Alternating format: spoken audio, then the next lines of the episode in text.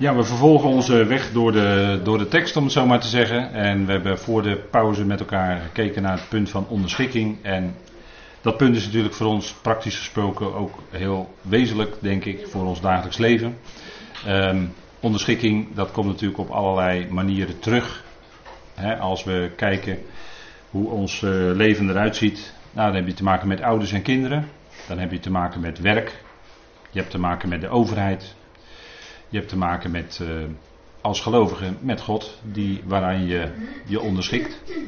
En dat is een hele weg die God dan met ons gaat.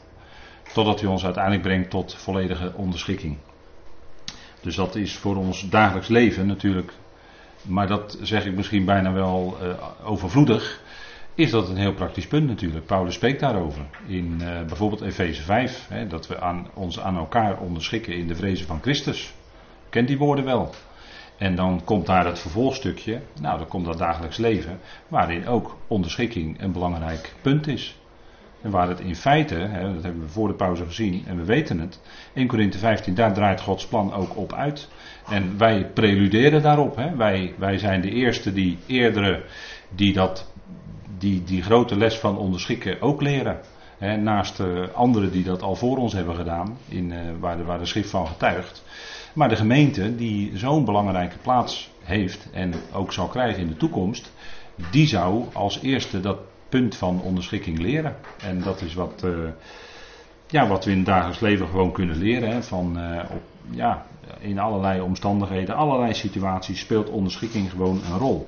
En als we ook in, in, de, in gemeenteverband kijken, hè, hoe het gaat in. Uh, als we kijken in die gemeentes in de tijd van Paulus, dan zie je dat er allerlei dingen aan de hand waren, allerlei moeilijkheden, allerlei problemen. En als je het tot de kern terugbrengt, gaat het altijd om onderschikking. Problemen in de gemeente draait altijd om onderschikking, op een of andere manier. En natuurlijk dus ook heeft het met het woord te maken. Want onderschikken is altijd niet, je kunt zeggen, ja ik onderschik me aan God. Ja, maar dat houdt dus tevens in, in één, dat is in één moeite, dan onderschik je ook aan zijn woord. Dat kan je niet los van elkaar koppelen. Onderschikking aan God is ook onderschikken aan zijn woord. En dat wil dus zeggen ook de lijn van zijn woord volgen zoals die voor vandaag geldt. Dat is ook een puntje van onderschikking. En dat is wat uh, Paulus aan Timotheus leerde. We zitten in Timotheusbrief met jaarthema. Paulus leerde dat ook aan Timotheus. Die was met Paulus meegegaan. Een soort van uh, meester- en leerling situatie. Timotheus leerde dan in de praktijk hoe dat allemaal toeging. En Paulus geeft hem dan allerlei aanwijzingen. En als je die twee Timotheusbrieven erop naleest, dan lees je allemaal punten van onderschikking. Wat denkt u van Hymenaeus en Philetus? 2 Timotheus 2. Die onderschikte zich niet en die leerde afwijkende dingen, ondanks wat Paulus duidelijk aangeeft. En ze bleven dat afwijkende leren. Met andere woorden, ze wilden zich niet onderschikken. Wat denkt u van Hymenaeus en Alexander? Alexander die Paulus zelfs aan de tegenstander overleverde. Wat denkt u ervan? Dat heeft te maken met onderschikking hoor. En leest u het maar na, de Korinthebrieven staan er natuurlijk vol van. Ik, ik haal dat regelmatig aan in bijbelstudies. Hoe dat toeging in de gemeente van Korinthe, maar dat had altijd te maken met onderschikking. Dat men zich niet wilde onderschikken aan de ordening in de gemeente. En dat, dat hebben we ook met het punt van de oudsten. Staat ook in 1 Timotheus hoor, de oudsten. 1 Timotheus 3, 1 Timotheus 5. De oudsten die zouden. 1 Timotheus 5, hè? Ik zeg het niet, maar 1 Timotheus 5. De oudste zou de dubbele eer ontvangen. Inzonderheid degene die arbeiden in het woord en het onderricht. Dat, staat er. En dat, dat is de lijn. En kijk, daar waar, als, als er sprake is dus van oudsten, want waarom zei Paulus tegen Titus van oudsten in Kreta, oudsten? En dan noemt hij een aantal punten waarom dat, moest, waarom dat duidelijk moest worden. Ja, er was, eh, er, was geen, eh, er was op een aantal punten geen onderschikking. Dat, dat staat daar gewoon in, in de Titusbrief, staat dat gewoon allemaal.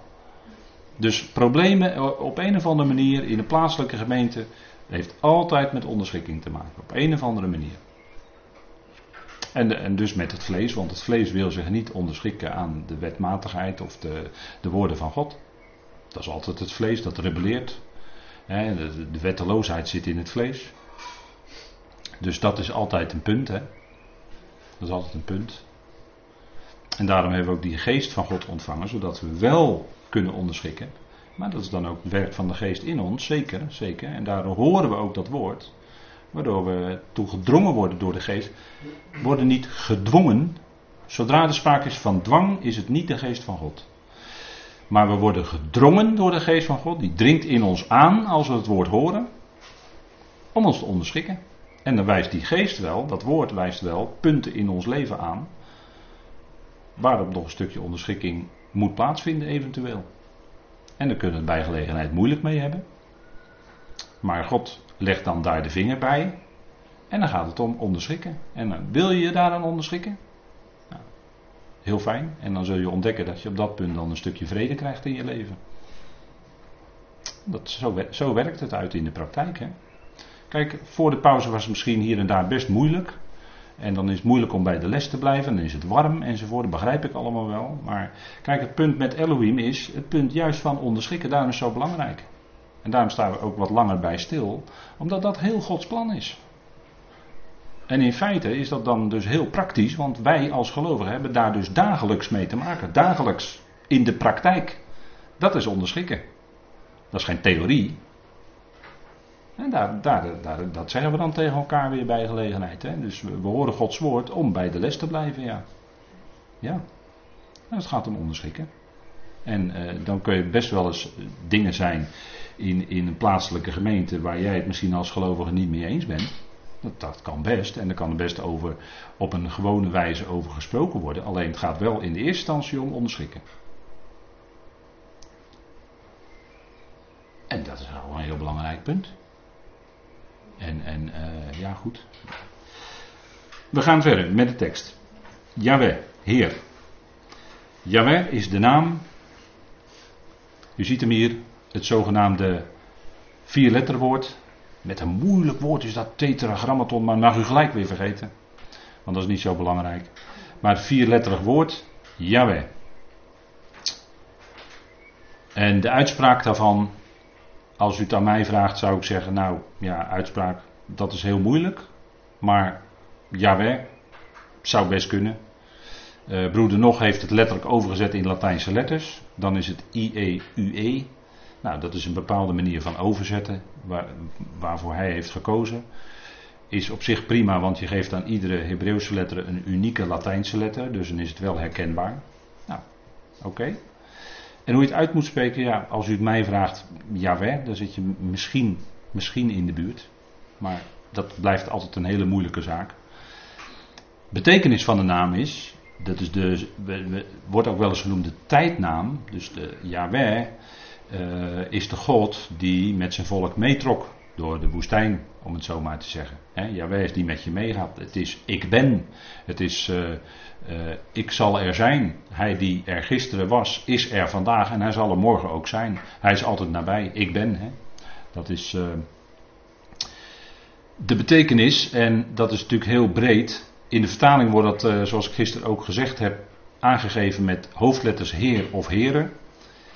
En men zegt dan de Joden die vermijden de uitspraak en dan noemen ze hem de eeuwige of de naam, Hashem, of ze noemen hem Adonai. Dus als ze dan dat hoor Israël uitspreken, dan spreken ze het uit als Adonai. Hè. Dat heb ik gisteren ook even laten horen, hoe dat uh, Shema dan gesproken wordt. Jaweh is de naam die in, we lezen even in ons boekje, die in nauw verband staat met de tijd. In het bijzonder de tijd van de vijf eonen. Volgens de Hebreeuwse schrift biedt alleen Yahweh uitkomst voor zijn volk. Uitkomst. Voor zijn volk bestaat er geen andere naam die voor hulp kan en mag worden aangeroepen. Hierin kwam geen verandering toen het woord vlees werd om zich als redder te openbaren. Jezus' naam betekent immers Yahweh, redder. dat is het Hebreeuwse Jehoshua. Dat, is, dat horen we terug in de naam Jozua en dat horen we terug in de naam Hosea. Uh, Jehoshua betekent Yahweh, redder. Daar zit zowel het woord redden, het Hebreeuwse woord redden zit daarin, als het, de naam Yahweh. En dat is wat de nacht ook duidelijk maakt, dat Yahweh redder is. En dat horen we terug in de naam Jezus, he, Jezus in het Grieks. En dat is een, uh, ja, een verlatijnsing van die naam. Daarom kon Petrus tot de Joden zeggen dat er onder de hemel geen andere naam aan de mensen gegeven is om gered te worden. Het was die naam die ze kenden. En op deze dia ziet u even die combinatie van het woord, afkorting van het woord Yahweh en het woord redden. En dat is wat Tenach, dus het Oude Testament, om het zo maar te zeggen, laat zien. Dat de redding van Yahweh is. De naam Yahweh en redding zijn niet los van elkaar te zien. Het is immers juist die naam die naar Jezus wijst als Yahweh, in wie ook redding is. In de Griekse vertaling van de Hebreeuwse schrift, de Septuaginta, is de naam Yahweh doorgaans met Kyrios, Heer vertaald. En dat geeft aan de Griekse schrift, waar Kyrios vaak voorkomt, een bijzondere lading. Nou, alle redding is van Yahweh. Daar zijn heel wat voorbeelden van te noemen. Op deze dia ziet u er eentje staan in het, uit het boek Jona, hè, waarin hij dat ook zo uitspreekt. Uh, als we het hebben over Jona. Laten we even opzoeken met elkaar. Jona 2 vers 9. Ik ken de geschiedenis wel. Hè? Jona die... Uh, ja, Jona had eigenlijk ook een beetje een probleem met onderschikken. Want uh, de Heer zei, God zei, je moet naar Nineveh gaan. En dat hij helemaal geen zin in. Hij ging precies de andere kant op. En dat doen wij misschien ook wel eens in ons leven. Dat de Heer ons een bepaalde weg wijst. Je moet die kant op. Maar je hebt er geen zin in. En je gaat de andere kant op. Maar dan heeft de Heer wel zo zijn middelen om jou toch op die weg terug te brengen, net als bij Jona. En bij Jona, ja, een storm, stormpje op zee, beschikt de Heer dan. En een grote vis, die Jona opslokt. Dat, uh, ja, zo ging dat in het leven van Jona. Hè.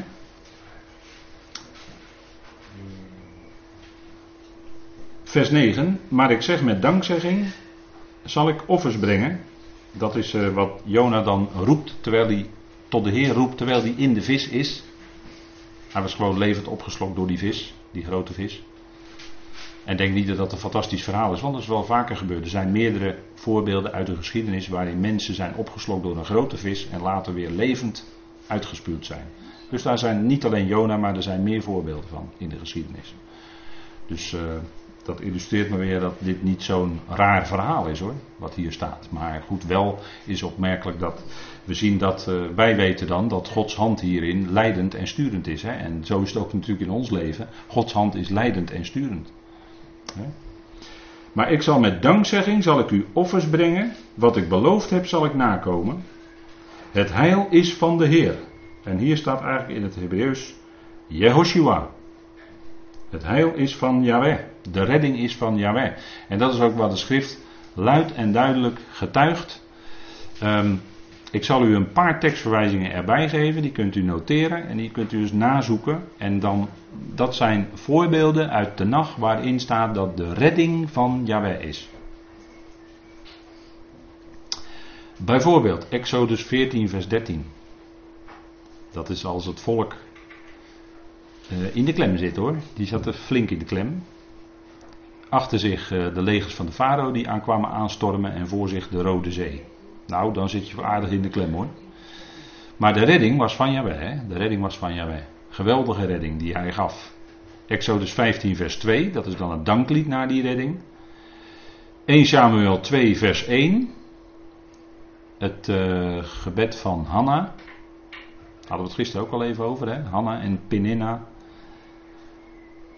1 Korinthe 16 vers 23, 1 Kronieken 16 vers 23. Ja, en er zijn heel wat teksten in de psalmen. Ik noem er twee. Psalm 21 vers 1. En Psalm 88 vers 1.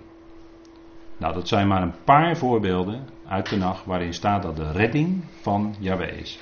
Dus dat getuigt de schrift in de nacht luid en duidelijk. En dat vindt zijn uiteindelijke vervulling in de Heer Jezus Christus. Uh, waarvan Petrus dan ook zegt in Handelingen 4 dat er geen andere naam is. Want aan hem was die naam Yahweh gegeven, Yahweh Redder. Die naam was aan hem gegeven in Jezus. En uh, daarom zegt Petrus ook dat in geen andere naam dan die naam de redding is. En als Israël ook in de toekomst die verlossing keihard nodig heeft, net als toen met die legers van de farao, dan zullen ze de naam aanroepen En dan, dan geldt ook wat Paulus dan aanhaalt in Romeinen 10, dat een ieder die de naam van de Heer aanroept, zal gered worden, zal behouden worden. Nou, dat zal met Israël ook in de toekomst zeker zo zijn. Als onder enorme druk staan van de wettelozen, van dat antichristelijke wereldrijk. En dat ze geen kant meer op kunnen. En dan zullen ze als volk, misschien wel bij monden van de dan geldende hoge priester, zullen ze de naam van de Heer aanroepen. En zo zal het volk dan op dat moment gered worden. Die uitreding zal God gaan geven. Want ze roepen de naam aan. De naam die ze nu niet durven uit te spreken. Maar dan zullen ze dat wel doen. En dan zal de redding ook daar zijn. In de persoon inderdaad van de Messias die dan komt, de Heer Jezus Christus, die zijn voeten zal zetten op de Olijfberg. En als Yahweh redder zijn volk gaat redden. Uit die benauwdheid. En dat gebeurt, weten we uit Zacharia, uit ter gelegenheid van de verwoesting van Jeruzalem, zullen ze voeten staan op de Olijfberg. Die zal splijten enzovoort enzovoort. En dan zal hij hen redden. Dan zal hij optreden als redder, als Yahweh, redder. Dat is heel bijzonder wat daar gaat gebeuren. Goed, wij gaan terug naar onze tekst. Bladzijde 4. Dat aan de naam Yahweh nog andere aspecten te onderscheiden zijn, maakt de volgende aantekening van broeder nog helder. De geschiedenis leert ons dat Yahweh niet altijd als redder optreedt, maar enige tijd lang ook als rechter of richter. En als Yahweh van de heerscharen. Dat is Yahweh van de menigten. Dat is Yahweh Zebaot. En dat woord Sava in het Hebreeuws, dat betekent samenklonteren of ophopen of uh, bij elkaar brengen. En vandaar dat uh, van de menigten of uh, van de legermachten, zoals het in de herziene statenvertaling vertaald wordt, een, uh, ja, wat mij betreft, een prima vertaling is. Hij voert de hemelse legermachten aan, hè, van de legermachten, Yahweh Zebaot. En die zal dan ook als bevrijder en als richter optreden en dan voor zijn volk tegelijkertijd ook als redder. In die hoedanigheid Jawel van de Heerschade, Jawel Zebaot, heeft er zich van ouds bekend gemaakt, vooral om zijn komst aan te kondigen. Die komst zal werkelijkheid worden in de dag van Yahweh. Het wordt werkelijkheid in de dag van Yahweh. Daarom, en dat is wat wij kennen als de dag des Heren, hè, dat is die profetische dag in de schrift, die ook omvat de duizend jaren. Daarom wordt zijn naam aan het begin van het boek Openbaring voluit aangeduid. Onze Heer is als Yahweh redder het evenbeeld van Yahweh tot de dag van zijn verontwaardiging.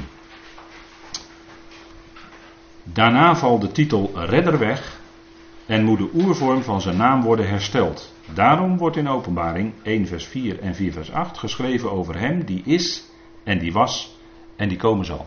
En er wordt gezegd van de Heer Jezus Christus, die dan als Yahweh van de Heerschade zal komen. En de dag des Heren zal inluiden, inderdaad met de dag van verontwaardiging, die over de wereld zal moeten komen. Eerst over zelfs zijn eigen volk, want het gericht begint bij het huis van Israël en daarna over de volkeren. dat is de volgorde. Eerst het gericht over Israël, de verontwaardiging, en daarna over de volkeren. En als dat geweest is, dan gaan de duizend jaren beginnen. En dat is precies wat de naam betekent, hè, zoals dat in openbaring te zien is.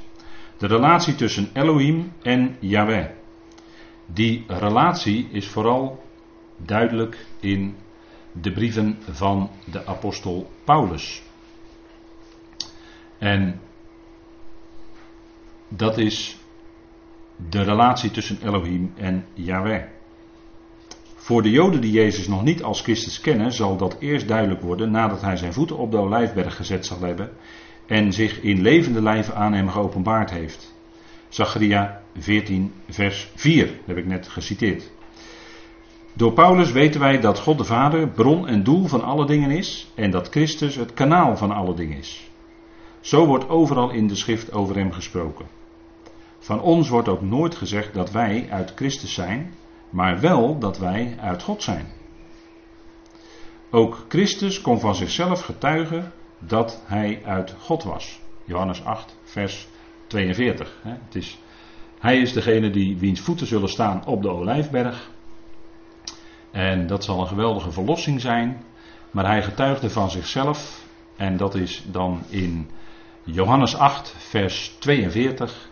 Hij getuigde van zichzelf. En ik heb het hier deze dia even uitgeschreven. Als God jullie vader was, zouden jullie mij lief hebben, want ik kwam uit God en ben gearriveerd. Hij stond daar in hun midden. Dat zei hij tegen de Joden. Hè?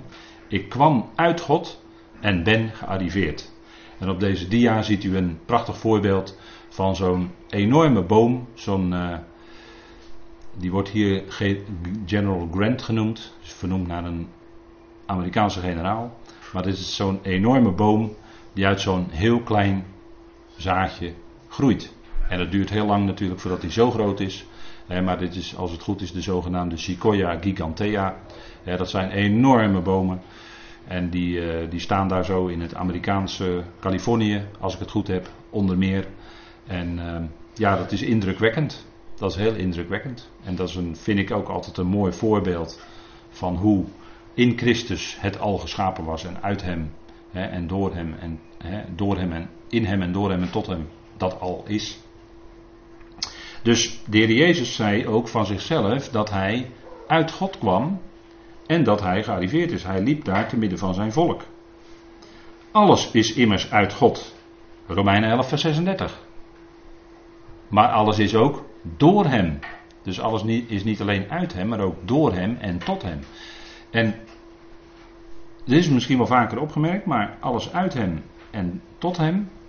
Goed, dat is lang geleden uit hem, zou je kunnen zeggen, de schepping enzovoort enzovoort. Tot hem is nog in de toekomst, maar nu door hem. Alles is ook door hem. Dat wil dus zeggen, in ons dagelijks leven, ons leven, wat wij leven, wat wij meemaken, dat is door hem. Dat is datgene wat hij in ons leven uitwerkt. De loop van ons leven, dat weten we, is van tevoren vastgelegd. Die staat vast. Dat gaat niet buiten vader om. Alleen wij weten dat niet, wat morgen zijn zal. Welke moeilijkheden de volgende week op ons pad komen, of volgende maand. Dat weten we allemaal niet. En dat is misschien maar goed ook. want we hebben al, uh, ja, soms als mensen zijn we vreesachtig genoeg. Hè? Een mens, u weet het, hè, een mens lijdt het meest. Door het lijden wat hij vreest en nooit opkomt dagen, dat is de uitspraak. Hè? Maar mens lijdt het meest door het lijden wat hij vreest. Hè? En vooral in de nacht, hè, dan lijken de dingen veel groter en nog veel erger. Hè? Maar eh, overdag valt het uiteindelijk dan toch nog vaak wel mee. Alleen we vergeten dan heel even, heel even soms, dat vader nabij is. En dat wat ook gebeurt in ons leven, het niet buiten hem omgaat. En dat hij in die omstandigheden waarin we zijn, die heel erg moeilijk kunnen zijn, dat hij draagt. En dat is toch wel heel bijzonder dat zegt de psalmist, dat is een prachtige tekst vind ik altijd. Dag aan dag draagt u ons. En we hebben het over redding. Nou, die God staat er ook bij, is onze redding. Die God, dat is Yahweh. Dat is de Vader die wij mogen kennen.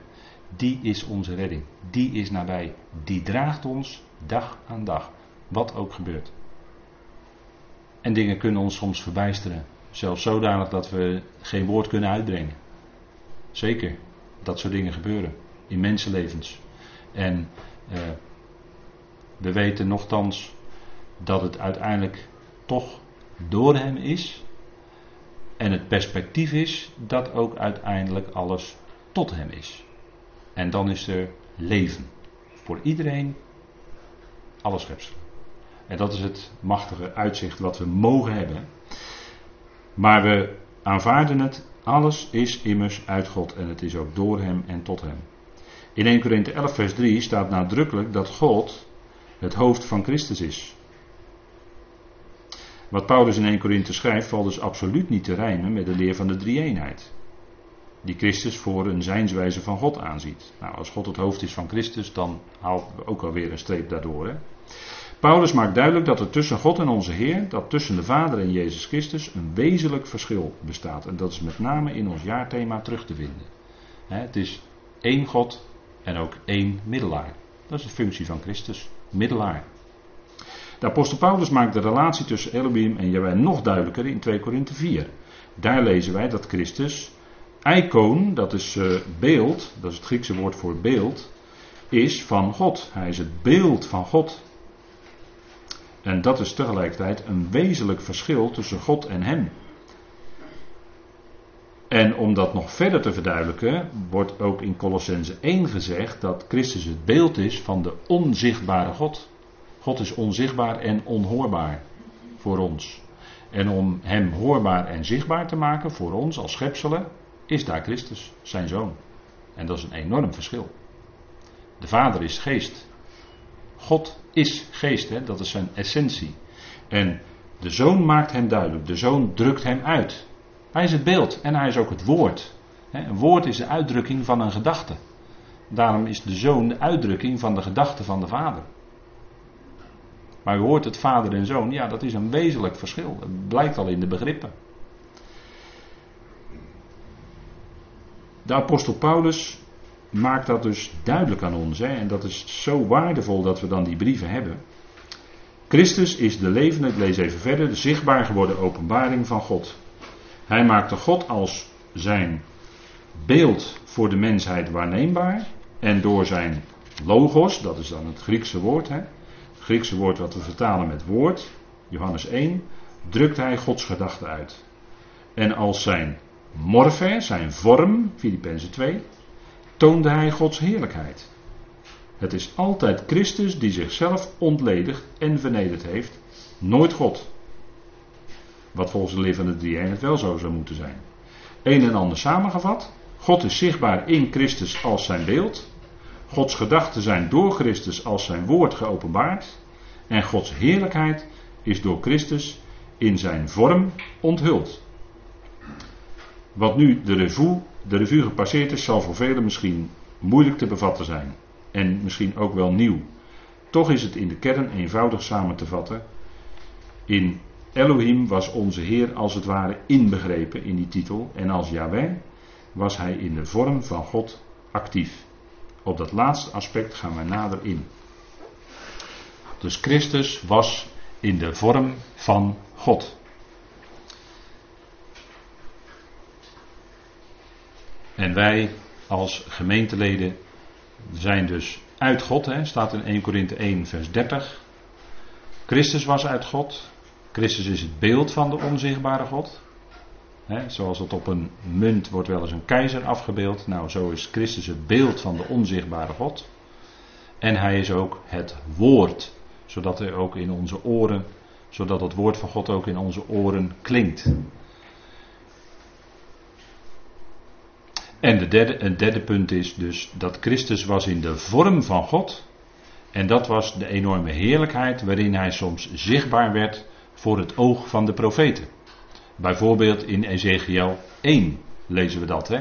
Die enorme verschijningsvorm met die wielen, met die raderen. Het is allemaal heel ingewikkeld, hè? Dat, eh, dat enorme wat Ezekiel ziet. Maar dan ziet hij toch bovenaan in dat visioen, om het zo maar te zeggen, in dat wat hij toen zag, zag hij iemand als eens mensenzoon. En daar hebben we dan de Jaweh die zich laat zien in de verheerlijkte Christus voordat hij mens werd. En zo is hij ook door Jezaja gezien. Jezaja zei in Jezaja 6, ik zag Yahweh zitten, ik zag Yahweh zitten op een hoge en verheven troon. Dat was Christus in de vorm van God, voordat hij mens werd. Dat was dus de uitdrukking naar de schepping toe in heerlijkheid. En zo was hij de vorm van God. En in die zin in die zin aan God gelijk. Want daar heeft Paulus het over in Filippenzen 2. Hij heeft het aan God gelijk zijn geen roven geacht toen hij in de vorm van God was. En daarvan, van die vorm van God, heeft hij zich leeg gemaakt. En is hij mens geworden. Dat zegt Filippenzen 2. En dat gebeurde toen hij geboren werd uit de maagd Maria in Bethlehem, broodhuis, hoe tekenend hè. Het broodhuis, daar werd het levende brood wat uit de hemel neerdaalde geboren. De stad van David. En zo werd hij mens, maar wel uniek. Want de Heilige Geest verwekte hem bij Maria niet een mens, niet een ander mens. Nee, dat deed de Heilige Geest. En zo was hij een uniek mens. En we kunnen nooit ten diepste doorgronden hoe dat of wat dat geweest is. Omdat hij uniek was. Dus dan ziet u een enorme heerlijkheid, wat de profeten zagen in visioenen. Dat heeft hij afgelegd om mens te worden, dus af te dalen naar ons mensen, was voor hem een afdalen hoor. Dat was een leegmaken van het vorm van God. En zo werd hij mens en is aan, de, aan ons mensen, en dan staat er ook weer gelijk geworden. En in die gelijkheid is hij zelfs slaaf. Is hij zelfs in de vorm van slaaf geweest. Let op, vorm van slaaf. Hè? Dus hij was niet letterlijk slaaf, maar hij was in de vorm van een slaaf. En heel nauwkeurig de tekst volgen in Filippenzen 2. Dat hebben we gedaan in de Bijbelstudie. Als we die heel nauwkeurig volgen, dan wordt het stapje voor stapje, kan het voor ons wat duidelijker worden. Maar dat is wel enorm wat hij gedaan heeft. Hij heeft ze dus leeg gemaakt. En dat is zijn ootmoedigheid. Dat is zijn ootmoedige gezindheid. En ootmoedige gezindheid is de basis van onderschikking. Hij heeft zich ondergeschikt aan de wil van de Vader. En dat is ootmoedigheid. En als daar die gezindheid van ootmoedigheid op de achtergrond raakt, dan raakt onderschikking ook op de achtergrond. U begrijpt wat ik daarmee bedoel. En dat is voor ons het voorbeeld van gezindheid. Dat, hè, kijk naar die gezindheid van Christus Jezus, zegt Paulus in Filippenzen 2.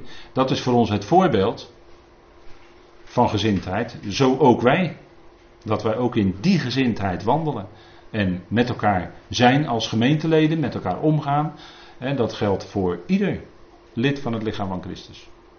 Die ootmoedigheid, die gezindheid. Nou, dat is denk ik toch wel indrukwekkend wat hij heeft gedaan. wat Paulus dan in enkele woorden beschrijft in Filippenzen 2, maar het is enorm geladen. Het betekent enorm veel.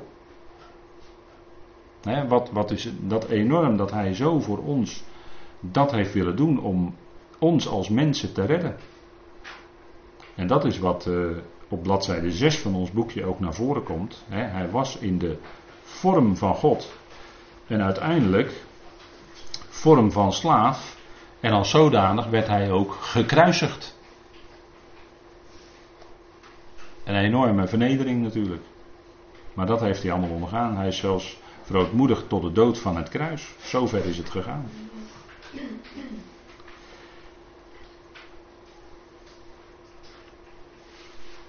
als we even verder lezen, midden op bladzijde 6 van het eerste stukje heb ik nu wat in eigen woorden aan u al verteld, in feite. Als we midden op bladzijde 6 dan even verder lezen. In de vorm van God was Jezus boven de hemelen. Onder de vloek van het kruishout vernederde hij zich in de vorm van slaaf tot de laagst denkbare plaats op aarde. Zo diep als hij zich vrijwillig onder alles plaatste, zo hoog zal hij uiteindelijk verhoogd worden. Dan zal iedere tong niet anders kunnen dan beleiden Curios is Jezus Christus tot verheerlijking van God de Vader. En dat is denk ik, als we, dan kunnen we niet anders dan wat, wat de schrijver dan zegt. Wie dit diep tot zich door laat dringen, zal met heel andere en grote ogen naar onze Heer opzien. Hij die de hoogst denkbare vorm van de hele kosmos bezat, heeft de laagst denkbare vorm gekozen. Hij is dan ook de enige in de hele kosmos, in de hele schepping, die bewezen heeft God de Vader absoluut lief te hebben en absoluut gehoorzaam te zijn. Daarom past het ons om met de grootst mogelijke ontzag onze knie voor Hem te buigen en die enorme waarheid te beamen. Te beamen. Ja, Curios is Jezus Christus tot verheerlijking van God de Vader. En dat doen we dan vooruitlopend op de rest. Goed, ik wilde met u afsluiten met een dankgebed. Zullen we dat doen? Vader, we danken u dat we weer een moment stil konden staan bij ons jaarthema. Vader, en het is toch heel bijzonder wat uw zoon heeft gedaan. Door zichzelf leeg te maken van die vorm van God. En de vorm van slaaf aan te nemen. Vader, het is heel diepgaand. Het is heel diep geweest voor de zoon. Dieper dan dat wij konden gaan. Dank u wel dat hij zo ver is afgedaald in die ootmoedigheid in die gezindheid van ootmoed, van nederigheid. Vader, wat een geweldig voorbeeld voor ons om na te volgen.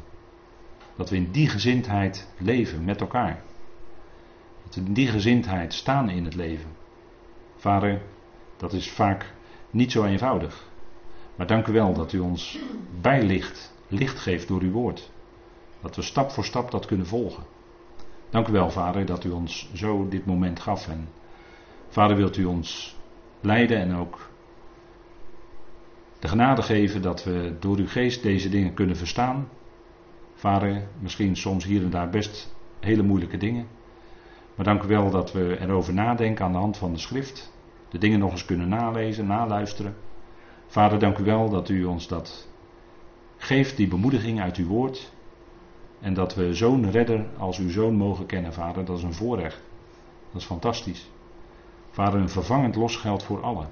Wat geweldig is dat. Vader, we danken u dat we deze dingen weer opnieuw naar ons toe krijgen. En weer opnieuw ons daarover kunnen verblijden en verwonderen. En kunnen opzien naar zo'n grote redder.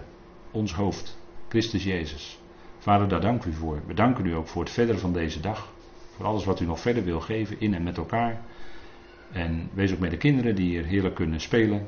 We danken u dat u ook dat geeft. Vader, dank u wel dat we zo mogen optrekken met elkaar deze week. Dank u voor vele handen die dit mogelijk maken.